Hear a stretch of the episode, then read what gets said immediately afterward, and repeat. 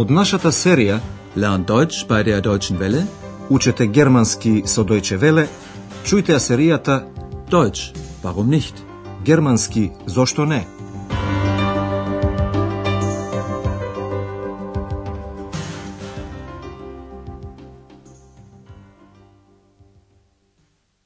Liebe Hörerinnen und Hörer. Добар ден, почитувани слушателки и слушатели. Ја слушате 24-та лекција под наслов Дали сакате уште едно кафе? Möchten Sie noch einen Kaffee? Веројатно се сеќавате за последната лекција. Екс го доведе Андреас во навистина незгодна ситуација. Бидејќи беше гладен, го праша Андреас дали ќе одат заедно на јадење. Тоа го кажа толку гласно, што господја Бергер со право мислеше дека прашањето е упатено до неа. Господја Бергер одговори дека е тоа добра идеја. Das ist eine gute Idee. И сега сите тројца седат во една пицерија. Во Германија речиси на секој агол има по еден ваков италијански ресторан. Многумина одат таму на јадење, бидејќи е вкусно и ефтино. Андреас сака да биде кавалер, мислејќи при тоа на оние малку пари што ги заработува. Господја Бергер порачува салата за предјадење и риба како главно јадење. Андреас избира пица. Екс се замешува, а господја Бергер го слуша гласот «Штиме» на Екс. Ваша задача е да откриете како реагира господја Бергер. Was möchten Sie denn essen? Zuerst einen Salat und dann und dann und dann Fisch. Und Sie, was essen Sie? Eine Pizza mit Schinken, Käse und Tomaten. So viel? Da ist sie ja wieder, Ihre zweite Stimme. Ja, sie ist ziemlich frech. Pa, koja je reakcija na gospođa Berger? Таа зборува за вториот глас на Андреас и ужива во разонодата. Андреас ја прашува господја Бергер, што би сакале да јадете? Was möchten Sie denn essen? Господја Бергер во почетокот порачува салата, залат. Во почетокот салата. Zuerst einen Salat. А потоа сака риба, фиш. А потоа риба. Und dann Fisch. Господја Бергер потоа го прашува Андреас што сака тој да јаде. Und Sie? Was essen Sie? Андреас одбра пица. Пица. Пица со шунка, сирење и домати. Eine Pizza mit Schinken, Käse und Tomaten. Откако Андреас набројува се што има во пицата, Екс прашува, толку многу? Viel? Тоа го слуша и господја Бергер и му се обраќа на Андреас. Па тоа е повторно вашиот втор глас. Da ist sie ja wieder, Ihre zweite Stimme. Андреас кратко одговара, да, и тоа можне дрзок. Ja, sie ist ziemlich frech. А сега се порачува пијалокот. Господја Бергер сака минерална вода, минерал васа. Што прашува господја Бергер? Ja, und was möchten Sie trinken? Ein Mineralwasser. Und Sie? Ein Bier. Und Ihre zweite Stimme? Einen Orangensaft. Sei doch endlich still. Ziemlich frech, Ihre zweite Stimme. Also, ich bestelle jetzt mal. Откако Андреас нагласува дека сака едно пиво, господја Бергер шеговито прашува што пие вториот глас. Штиме. Значи, што пие екс. А вашиот втор глас? Und Ihre zweite Stimme? Екс се чувствува прашан и одговара. Сок од портокали. Einen Orangensaft. Андреас е налутен и му вели на екс. Замолчи конечно. Sei doch endlich still. Господја Бергер, малку весела, ги повторува зборовите на Андреас, што му ги кажа на екс. Мошне дрзок, вашиот втор глас. Ziemlich frech. Ihre zweite Stimme. Мислејќи дека ќе го реши проблемот, Андреас вели, значи јас сега ќе порачам. Also, ich bestelle jetzt mal. Андреас порачува и сите тројца јадат. Конечно треба да се плати. Андреас го повикува келнерот и ја бара сметката, Rechnung. За се да плати. Како Андреас дознава дека господја Бергер сака сама да го плати својот дел? Обрнете внимание на последната реченица. Möchten Sie noch einen Kaffee? Nein, danke. Ja dann. Herr Ober, die Rechnung bitte. Ja, ich komme sofort. Zusammen oder getrennt? Zusammen bitte. Nein, getrennt. Sie haben doch nicht so viel Geld.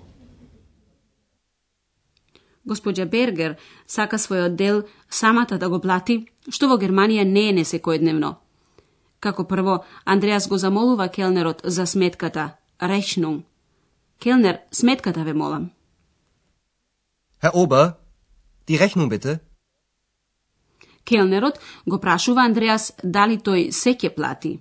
Се значи заедно, zusammen, или само она што тој го јадеше и пиеше, значи одделно, getrennt. Заедно или одделно? Zusammen oder getrennt? Андреас вели заедно. Zusammen. Господја Бергер на тоа одговара дека сака самата да плати. Не, одделно. Nein, getrennt. Госпоѓа Бергер знае дека Андреас заработува малку и сосема е нормално да плати сама.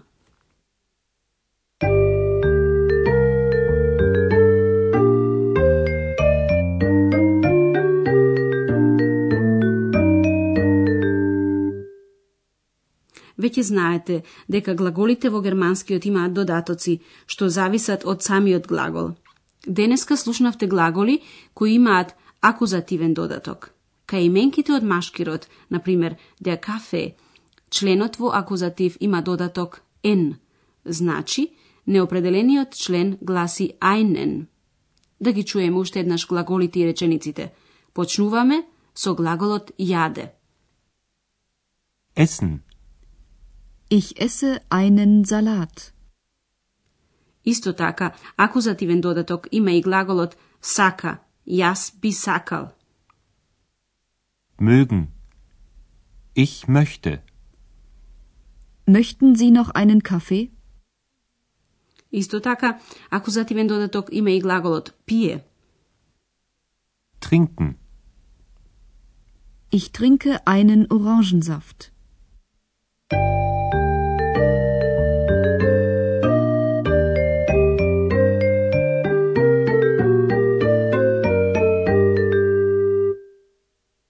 На крајот да ги чуеме сите диалози.